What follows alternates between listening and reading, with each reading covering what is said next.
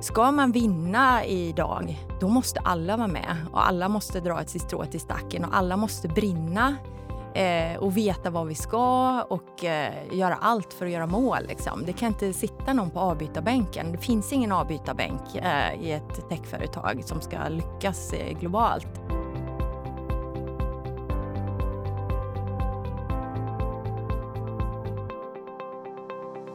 Hej alla ni som lyssnar och eh, varmt välkomna till Konkurrenskraft. Podden där vi pratar om eh, framtidens beslutsfattande, verksamhetsstyrning och ledarskap. Jag som eh, håller i samtalen heter som vanligt Robin Askelöv och är marknadschef på Hypergene, ett techbolag inom just beslutsstöd och verksamhetsstyrning som också ger ut den här podden. Och eh, vad är det då vi försöker åstadkomma med den här podden? Ja, det handlar ju om att belysa de här frågorna från en rad perspektiv. Och det gör vi ju genom att träffa människor som kan dela med sig av sina erfarenheter. Och just eh, den här gången så skulle jag vilja prata om hur man tänker och kanske behöver tänka i riktiga snabbväxare. Det är ju ofta techbolag som har eh, ambitionen att eh, förändra människors beteenden och kanske rent av hur vissa marknader funkar. För här tänker jag att det finns saker att eh, inspireras av oavsett var man själv arbetar. Och eh, som gäst idag så har jag med mig Maria Hedengren, VD på Readly. Varmt välkommen! Tack så mycket! Superkul att ha dig här. Ja, men det är jättekul att vara här. Jag tänker att eh, jag ska bara snabbt eh, slå fast vad Readly är för någonting. Du kommer få berätta lite mer men bara för, för att göra det lite enkelt för de som lyssnar. Många känner ju till er, men jag tror att man kan ju enklast beskriva Readly som eh, Spotify för eh, magasin och, och tidningar. Nu, nu förenklar jag lite här. Eh, ni erbjuder eh, tillgång till magasin och dagstidningar till fast månadsbelopp och så precis som Spotify, tänker jag, så siktar ni på att radikalt förändra hur man köper och läser magasin. I deras fall musik, men i ert fall magasin. Och det här är ju en väldigt stor marknad, både i, i Sverige och internationellt. Det var ungefär en, en rätt sammanfattning. Det var en väldigt bra sammanfattning. Eh, vi är ju en så kallad all you can eat eh, prenumerationstjänst, mm. i vårt fall all you can read. Så att vi har nästan 5 000 titlar från nio länder som man kan läsa obegränsat av eh, för en väldigt moderat kostnad av 99 kronor i månaden i Sverige. Då. Men vi finns ju eh, faktiskt i nästan 50 länder. Mm. Eh, och vår största marknad är Tyskland idag, följt av Sverige och UK. Mm. Ja, men spännande. Vi kommer komma tillbaka till, till Readly. Jag tänker vi kommer komma tillbaka till många saker du har gjort, för du har hunnit med ganska, ganska mycket. Och jag tänkte bara, bara för att sätta dig på kartan lite också, några, några axplock av vad du har gjort. Jag tänker jag, jag drar det lite kort och sen så ska du få, få berätta om den röda tråden här. Eh, för jag har läst mig till att du började på Arthur Anderson med revision. Eh, du gick vidare till IT-konsultbolaget Resco eh, börsnoterat där du var CFO. Jag kan tänka mig att det var ganska spännande för några månader efter att du började så kom eh, dotcom-kraschen, så det måste ha varit en resa i sig som vi kommer tillbaka till. Eh, finansiell controller på Intensia som sen blev eh, Lawson Software, som ett amerikanskt bolag som köpte upp er. Där hade du en rad finansiella positioner också. CFO på NetEnt, också börsnoterat och sen så var du på iSettle Eh, i tre år där du också var CFO. Det kommer vi också komma tillbaka till. Och nu då, eh, sen då knappt ett år, eh, VD på, på Readly. Och jag bara tänker när man, när man ser den här listan, uppenbarligen så finansiella eh, roller eller inom finans. Så. Men skulle du kunna säga någon annan typ av röd tråd mellan alla de här rollerna? Ja, det finns en väldigt tydlig röd tråd och det är inte vilket segment eller bransch jag har rört mig i utan mm. röda tråden handlar om att det är teknikdrivna bolag. Mm. Eh, tech, förr i tiden kallade man det IT, nu säger man tech. Det låter mm. lite coolare. Lite coolare. Ja. Eh, så att det har varit eh, techbolag eh, i eh, snabb förändring. På Resco-tiden då, eh, då var det kanske inte snabb tillväxt utan då rasade allting käpprätt i golvet, mm. hela branschen. Eh, och eh, senare tio åren har det handlat mycket om tillväxt. Eh, men, det, det handlar om föränderlig omvärld där man måste anpassa bolaget eh, väldigt snabbt mm. till att ta vara på de möjligheter som, som finns mm. eh, och kapitalisera på det på ett bra sätt. Eh, och internationell expansion, internationell tillväxt. Mm. Eh, så det är väl de sakerna som har varit eh, röda tråden tror jag, genom det jag har gjort genom åren. Mm, ja, vi kommer få anledning att, att prata mer om, om flera av de här utmaningarna som du har fått hantera. Jag tänker innan vi sätter igång, bara för att ytterligare få värma upp lite. Jag har några frågor som jag brukar ställa till, till alla gäster som kommer, bara för att någonstans eh, reflektera lite över kanske vad man tycker är kul och vad man drivs av och vad man får inspiration. Eh, så jag tänkte bara börja. När har du som roligast på jobbet? Eh, då har jag förmodligen eh, suttit en hel dag i att diskutera strategi mm. eh, och eh, försöka se runt hörnet. Jag gjorde en personlighetstest för ett antal år sedan som heter Strength Finder som en del människor känner till. Och, eh, där var en av mina mest eh, framträdande drag eller styrkor enligt den, det testet att jag är strategisk och har förmåga att se runt hörnet. Mm. Och jag, det, min hjärna jobbar ständigt med det, vare sig jag sover eller är vaken. Att försöka räkna ut vad, vad händer sen, vad mm. händer sen, vad mm. händer sen. så att jag älskar och, och det blicka in, försöka sitta runt, titta runt hörnet helt mm. enkelt. Mm. Det, då är jag som roligast. Mm. Ja, men det låter som det behövs också i de områdena du har varit mm. Om man tittar till, tillbaka då, och tänker senaste året, vad, vad är du mest stolt över Ja, men det är helt klart att jag fick bli vd på Readly. Mm. Eh, det känns som ett eh, fantastiskt förtroende och eh, det är en produkt som jag älskar själv. Jag har alltid eh, läst magasin mm. och jag brinner mycket för text. Jag brukar kalla Readly för en, en väldigt passionerad så här, kärlekshistoria. Eh, Kärleken eh, mellan tech och kärlek till magasin mm. kopplad i ett. Och, Eh, ja, men att få det förtroendet, jag hoppas att jag kommer kunna förvalta det väl. Så mm. att, eh, det är jag jättestolt över. Ja, kul. Och uh, inspiration, det måste man ha på jobbet. Var, var hämtar du inspiration någonstans? Är det i magasin? Eh, ja, men privat hämtar jag mycket inspiration från magasin. Jag mm. läser väldigt mycket om inredning till exempel, mycket om hälsa. Jag är mm. ganska hälsointresserad. Träning och kost och även mental hälsa. Eh, men på jobbet då blir jag väldigt inspirerad av samtal med medarbetarna och mitt team egentligen. Mm. Eh, och se eh, effekten av eh, mitt ledarskap och hur jag kan få andra ledare i organisationen att växa. Och när det mm. får önskad effekt så blir jag superinspirerad. Men också när jag märker att det inte går som jag har tänkt mig. Ja, det. Eh, det, då får man eh, tänka till och tänka om helt enkelt. Och det, det driver mig väldigt mycket att ständigt eh, förbättra både mig själv och, och företaget. Jag tänker att vi hoppar in i, eh, i frågorna. Jag har ett litet batteri av frågor här. Mm. Vi ska försöka vrida och vända på saker. Spännande. Ja, eh, vi har ju lite kort beskrivit Readly och vad det är och vad ni gör. Jag själv är, är kund, jag tror jag har varit med sedan start faktiskt. Härligt att ja, höra. Nej, men jag är Jättekul. passionerad magasinläsare. Eh, och jag vet ju att ni växer ju väldigt mycket. Eh, samtidigt så är det ju, om man ska vara krass, en långsammare tillväxt jämfört med till exempel eh, Spotify. Som man ju, det, är, det är ju lätt att göra jämförelser, man säger ju lite sådär, magasinvärldens Spotify. Varför tar det längre tid att etablera en produkt som Readly, tror du? Jag tror det finns eh, många olika orsaker till det. Eh, jag tror eh, dels så är det ett... Eh, ja, men man kan inte konsumera magasin samtidigt som man gör andra saker på samma sätt som musik till exempel. Mm, eh, utan det är en väldigt aktiv handling. Och precis som du säger att du, du gillar att läsa magasin. Jag tror det finns många människor, det är ett, ett beteende också. Det här att inse att det faktiskt är en väldigt positiv upplevelse att läsa magasin mm. även i, i sin mobil eller på sin iPad. Eh, det tar lite längre tid eh, mm. att förändra den typen av beteende. För att lyssna på musik, det är en ny kanal och man kan lyssna på ett annat sätt till Spotify och sådär. Men, men det är fortfarande att lyssna på musik. Här gör vi någonting mer radikalt skulle jag vilja säga med beteendet. Mm. Eh, och sen är det så också att det är en bransch som kämpar för sin överlevnad. Och det blir ju alltid väldigt smärtsamt i det här skärningen. Eh, att gå från print till digitalt. För mm. att print eh, faller väldigt fort eh, inom vissa segment och annonsintäkter. Men samtidigt är det där de tjänar mest pengar idag. Så de har en tillverkningsapparat inom förlagsbranschen som producerar kostnader för print. Mm, mm. Eh, och de, så jag tror att det är lite smärtsamt för dem att hitta sina digitala strategier och göra den här övergången. Och, så, så att det finns ett visst, inte inom alla förlag, men generellt sett skulle säga stort i branschen så så uh, rör man sig inte så fort. Det finns inte så stort tryck från mm. eh, förlagsbranschen själva att gå mot digitalt. Mm. Och då en eh, spelare som Readly, det blir ganska stort lass att dra faktiskt. Mm. Så det, det, tar eh, lite längre tid. Men jag, jag tror på eh, en tipping point. Mm. Eh, inte så många år in i framtiden när förlagen måste börja röra sig snabbare. Och vissa av dem gör redan det. Det finns en del som är superframåtlutade. Så att, det kommer, men det är alltid lite så här...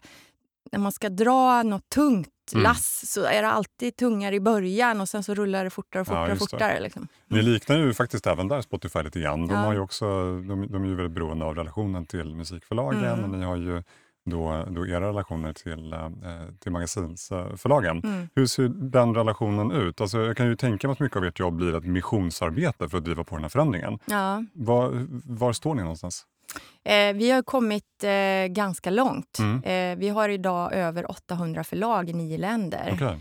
Eh, och, eh, så diskussionen är ju eh, lättare idag med förlagen än vad det var när vi började naturligtvis. Mm. Även om det fanns många förlag även i början som tyckte det var jättespännande och verkligen ville hoppa på tidigt så har vissa tagit längre att övertala. Mm. Men jag tror fler och fler förlag inser fördelen med Readly och jag tror också att många förlag förstår att vi, vi... Jag brukar inte säga att vi är på ett sätt kan man kalla oss disruptiva, men vi är inte här för att ta död på förlagsbranschen. För att Mm. utan dem så har vi inget innehåll.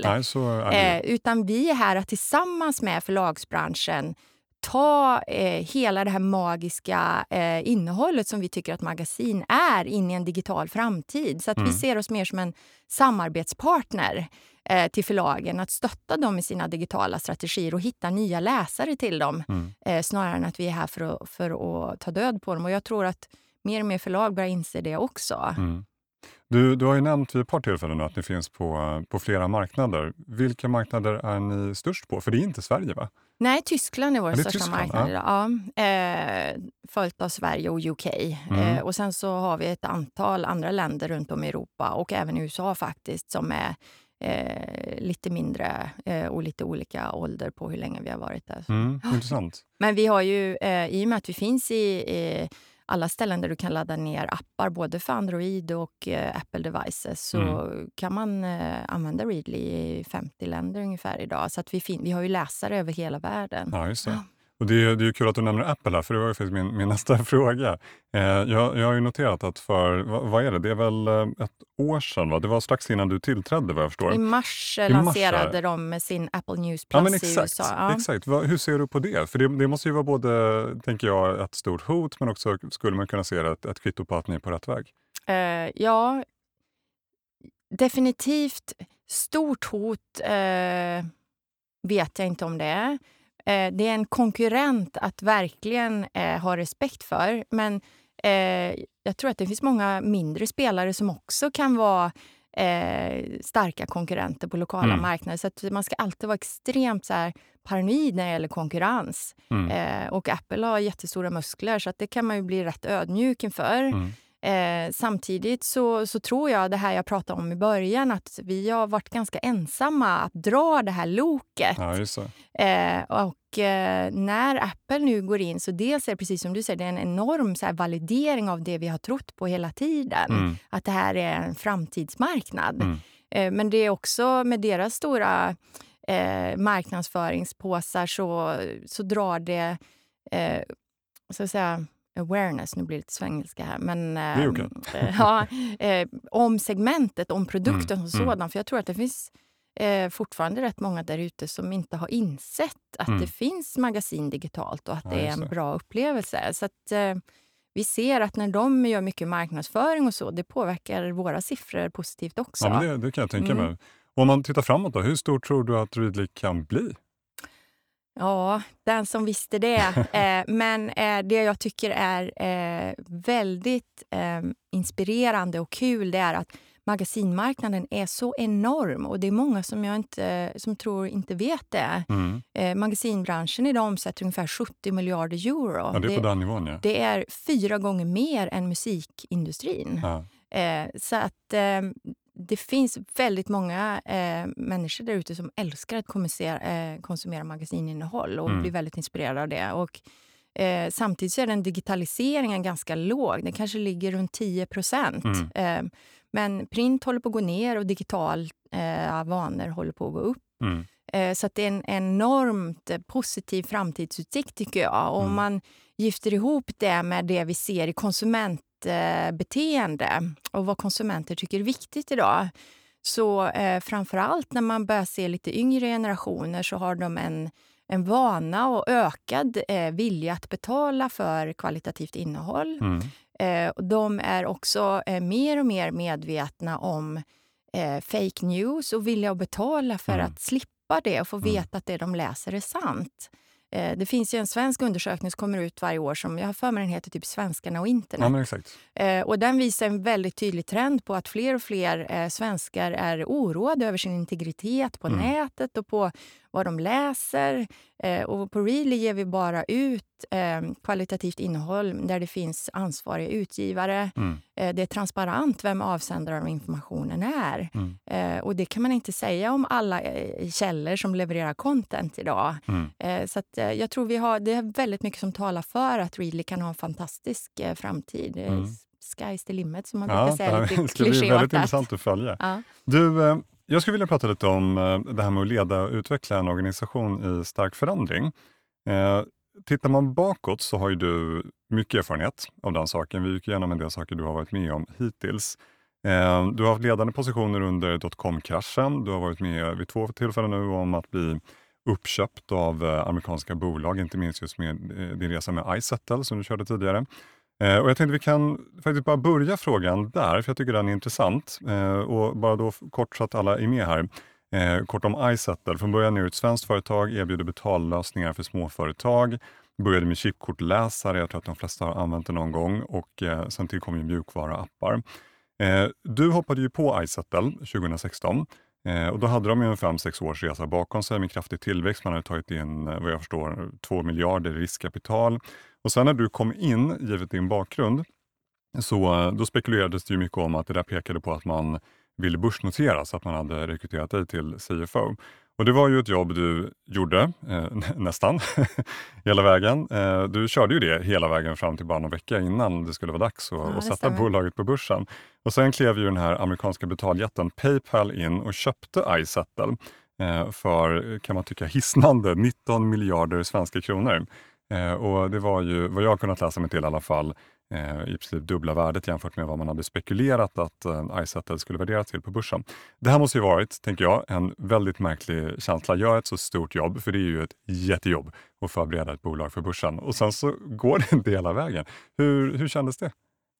Det var mycket blandade känslor. Eh, att göra en IPO eh, som CFO, det, alltså, det var nog det tuffaste jag gjort. Mm, Inte bara jag utan stora delar av ja, hela finansteamet och många andra i organisationen också. Mm. Eh, det är ungefär som att köra eh, Tour de France för de som cyklar. Mm. Eh, fast istället för att köra i 21 dagar så kör man det varje dag i ett och ett halvt år. Mm, det Eh, och eh, det slet ganska hårt på oss alla, tror jag. Mm. Ehm, så att, eh, visst, det är ungefär som alla vet var de befann sig på 9-11 och sådär. Va? Mm. Eh, jag vet exakt var jag befann mig och vad jag hade på mig när jag insåg att nu eh, har vi skrivit på med Paypal. Okej. eh, och det kommer jag aldrig glömma. Men det Ja. var så blandad känsla för jag tror det var ett fantastiskt eh, utkomst för iSettle, för iSettles aktieägare eh, och för medarbetarna. Jag tycker eh, giftermålet med Paypal och iSettle var industriellt så eh, magiskt Mm. eh, till en, en fantastisk värdering.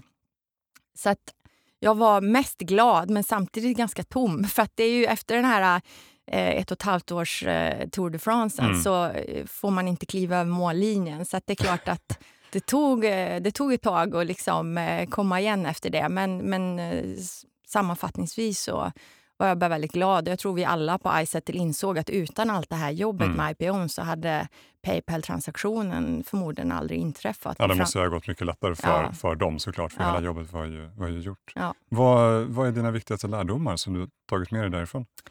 Eh, jag skulle säga att det handlar om eh, vikten av lagarbete Mm. eh, och som CFO eh, och ledare framför allt, inte bara CFO utan vilken ledare som helst, vikten av närvaro med sina Mm. medarbetare och hur viktigt det är för medarbetarna att bli sedda eh, och uppskattade. Eh, under en period, så när man, när man är CFO i en sån här situation, så är man ständigt eh, på roadshow, träffar investerare, Mm. sitter i möten och eh, har en tendens att börja prioritera ner teammöten och sånt där. Och, Och sen mitt uppe i alltihopa så gick min mamma bort faktiskt. Hon Mhm. gick in i slutskedet av cancer. Okej. Och, så det gjorde också att jag var borta en del och det tog väldigt hårt på teamet. Alltså Mm. Det var inte det att jag behövde vara där för att säga åt dem vad de skulle göra eller svara på massa frågor utan eh, jag lärde mig väldigt mycket om eh, hur viktigt det är som ledare att bara vara närvarande och se medarbetarna. Mm. Eh, inte bara liksom... För jag visste ju att de klarade att köra även de dagarna jag inte var på kontoret och Mm. gjorde ett magiskt jobb. Men som ledare behöver man eh, finnas där i Mm. vardagen ändå som någon form av jag vet inte, trygghet och, och eh, peka på målet och uppmuntra människor och sådär. Vilket jag inte förmådde alla veckor när jag var Mm. där då. Och eh, ja, men det tar jag med mig. Mm. Jag tänker, det där leder lite vidare till min, till min nästa fråga. För du, du har ju arbetat i, i flera sammanhang där verksamheten borde utvecklas och att det svänger ganska, ganska kraftigt.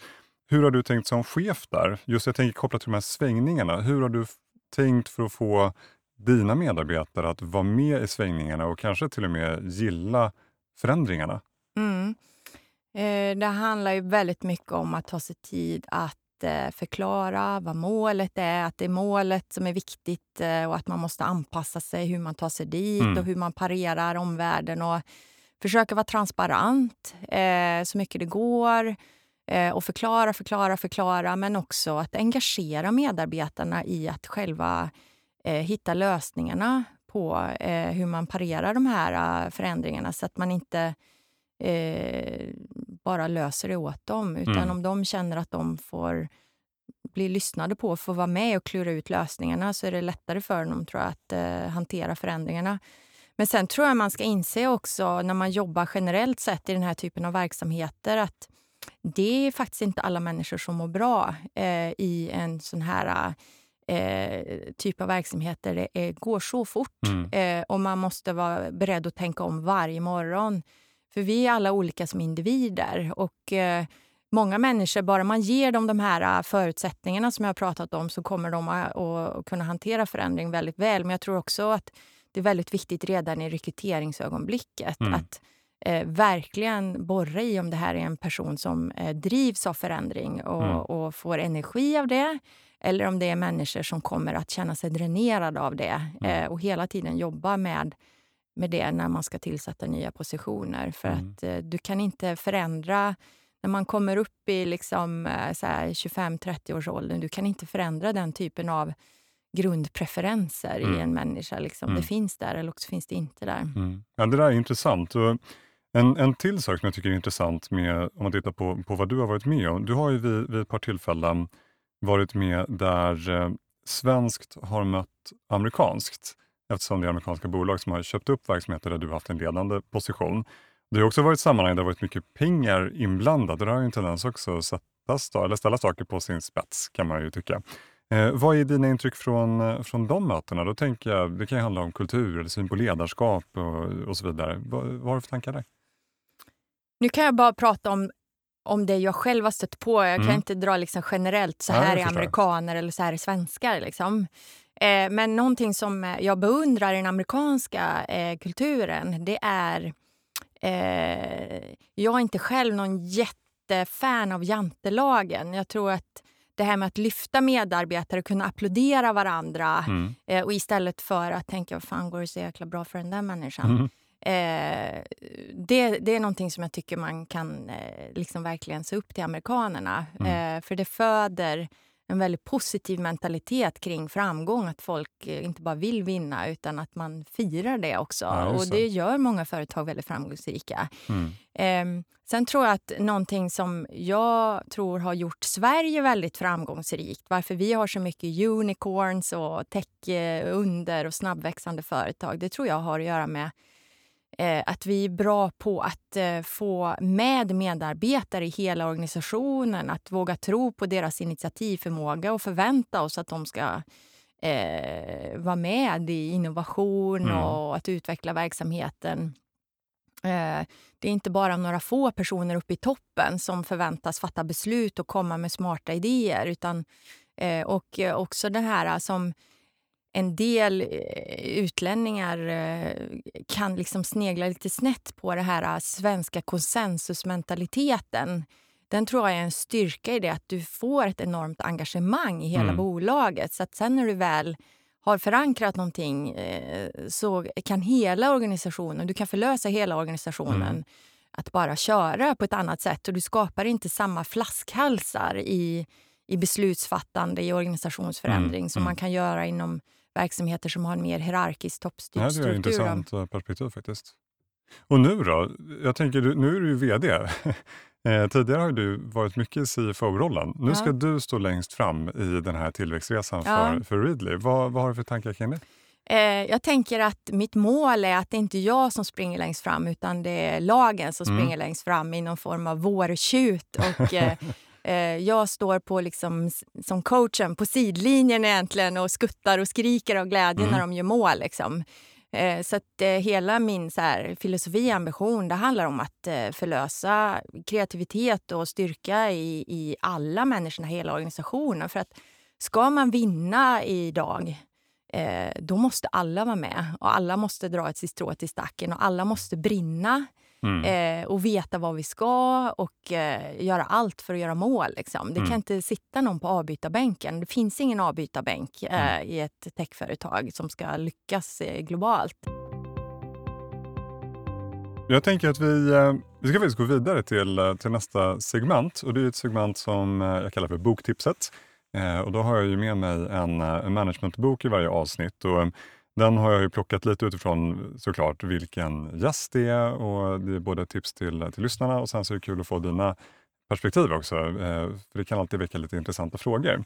Och eh, Den här gången så har jag med mig The Disruption Mindset, Why Some Organizations Transform While Others Fail av eh, Charlene Lee. Hon är entreprenör, föreläsare, författare av eh, flera bästsäljande managementböcker. Och eh, bara för att ge någon form av kontext då, så i den här boken så går hon igenom eh, fallgropar, eh, framgångsfaktorer för hur man leder företag i kraftig förändring och tillväxt. På engelska kallar hon det då för disruptive growth. Och eh, en av sakerna som hon tar upp, som jag tänkte jag skulle bara eh, testa på dig här, då, vad du tycker och tänker, eh, det är att det här med att ha en disruptiv förändringsstrategi, menar hon, då, det kräver att man vågar lämna tanken på sina gamla kunder och den, den här lite härliga attraktiva marknadsstorleken som ju det utgör. Och hon tänker att istället ska man tänka på var kunderna kommer befinna sig i framtiden och vilket värde de kommer representera då. Och eh, Hon har något citat här att eh, kunderna kommer ju alltid att röra sig snabbare än de företag som jagar efter dem. Och Då har hon förstås massa, massa nycklar här. En av sakerna hon säger är att bli mer eller mindre besatt av hur kundrelationerna utvecklas och vart de är på väg. Och i praktiken mäta och prata mer om kundlivscykel, kundlojalitet och kundnöjdhet.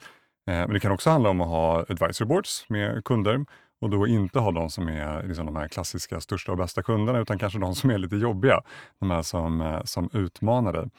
Eh, så här långt, hur stämmer det här med, med dina erfarenheter? Både vad du har gjort tidigare och hur ni, hur ni jobbar nu på, på Readly? Äh, men det är ju väldigt kloka slutsatser hon drar naturligtvis. Och, eh, det är ju kunden och framförallt den framtida kunden. Det är där vi måste eh, befinna oss hela tiden eh, när vi utformar våra strategier. Och, eh, jag menar, Readly jobbar ju på, på alla de områdena som hon tar upp. Dels så måste man ju ha en ständig dialog med de kunder man har och framförallt Mm. de som är missnöjda och sådär naturligtvis. Vi har ju vår kundserviceavdelning de skickar ut veckorapporter varje vecka till hela organisationen med jättemycket feedback om Mm. vad vi gör bra men också vad vi gör dåligt. Eh, och eh, vi gör eh, så här, studier, eh, tester och fokusgrupper och Mm. tar in eh, människor och ser hur de reagerar på nya och gamla features och sådär.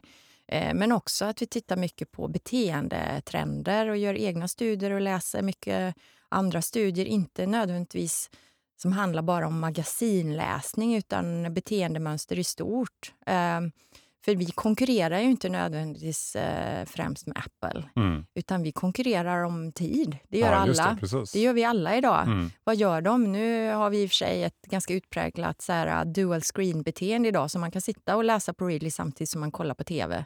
Till, tillbaka till boken. Hon går också igenom hur man skapar rätt typ av mindset i organisationen.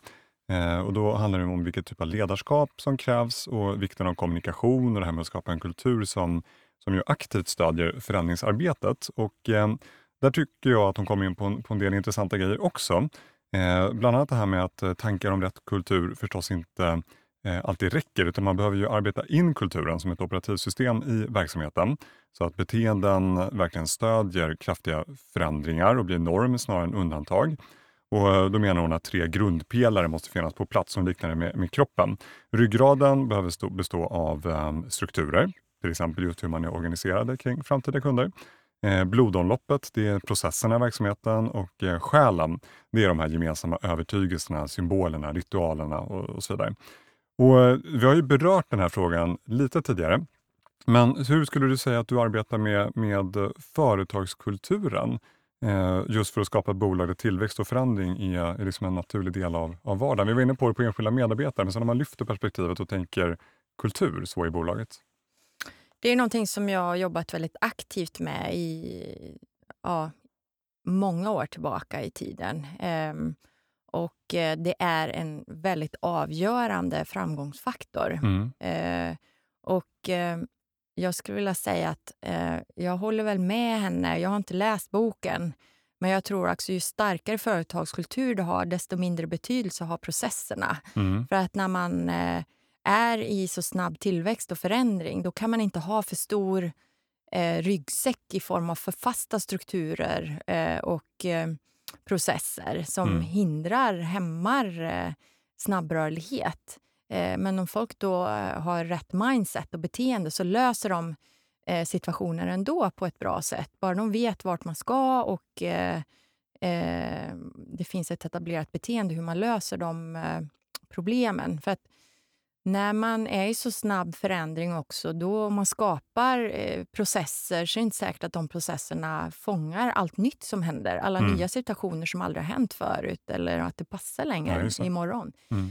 Så att man måste ha vissa processer, men jag, tror inte på, jag har ingen övertro på att processer ska lösa problem. Mm. Har du något exempel på konkret hur du gör när du ska bygga kultur? Ja, eh, jag tror kultur behöver vara en kombination av en själ som finns på ett bolag eh, redan. Mm. Eh, men också så behöver man titta på, finns det några typer av beteenden som vi behöver injicera lite mer av eh, beroende på vart bolaget befinner sig eh, idag. Eh, och sen så får man jobba då eh, med väldigt mycket förankring och sen måste det bli en del av vardagen. Allt från när man rekryterar, att man redan rekryterar människor som har ett visst mindset i ryggmärgen. Mm. Eh, och eh, till eh, utvecklingssamtal med medarbetarna, till beslutsprocesser.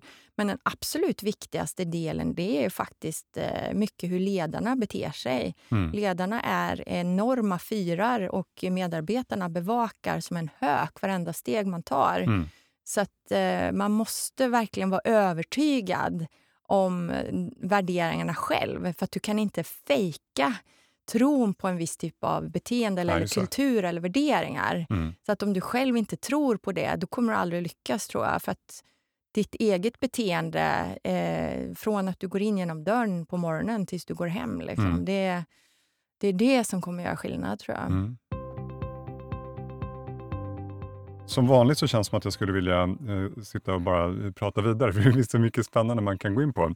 Eh, men jag tänker ändå att det börjar bli dags att, eh, att runda av faktiskt. Ja, Och, ehm, jag har alltid några frågor på slutet som jag brukar ställa till, till de jag intervjuar. Det kopplar an lite till, till rubriken på podden också med framtidens beslutsfattande, verksamhetsstyrning och ledarskap. Om man bara tänker sig att man buntar ihop alla de där frågorna och, och, och ställer frågan till dig från ditt perspektiv. Vad skulle du säga är nycklar för att bli riktigt duktig på de här frågorna i framtiden? Eh, ja, det, vi pratade lite innan vi körde igång här också. Jag tror ju som sagt var att det går inte att skilja de där tre sakerna isär Mm. idag. Jag tror att ett modernt ledarskap eh, är förankrat i, i en och samma sak. Och det, jag tror det är synen på att det är medarbetarna som gör framgången, inte chefen. Mm. Eh, och att chefens roll är att sätta medarbetarna i centrum. Därför att ska man växa väldigt fort eh, då måste man förlösa varenda millimeter av organisationen. Att kunna röra sig snabbt, Mm. att fatta rätt beslut i vardagen och inte bli sittande och väntande på att eh, chefen ska lösa konflikterna, ska fatta besluten, de här små grejerna. Klart att ledningen måste sätta strategisk riktning och mål men Mm. de här operativa, dagliga grejerna som får oss att röra oss framåt där måste medarbetarna kunna fatta besluten själv väldigt snabbt.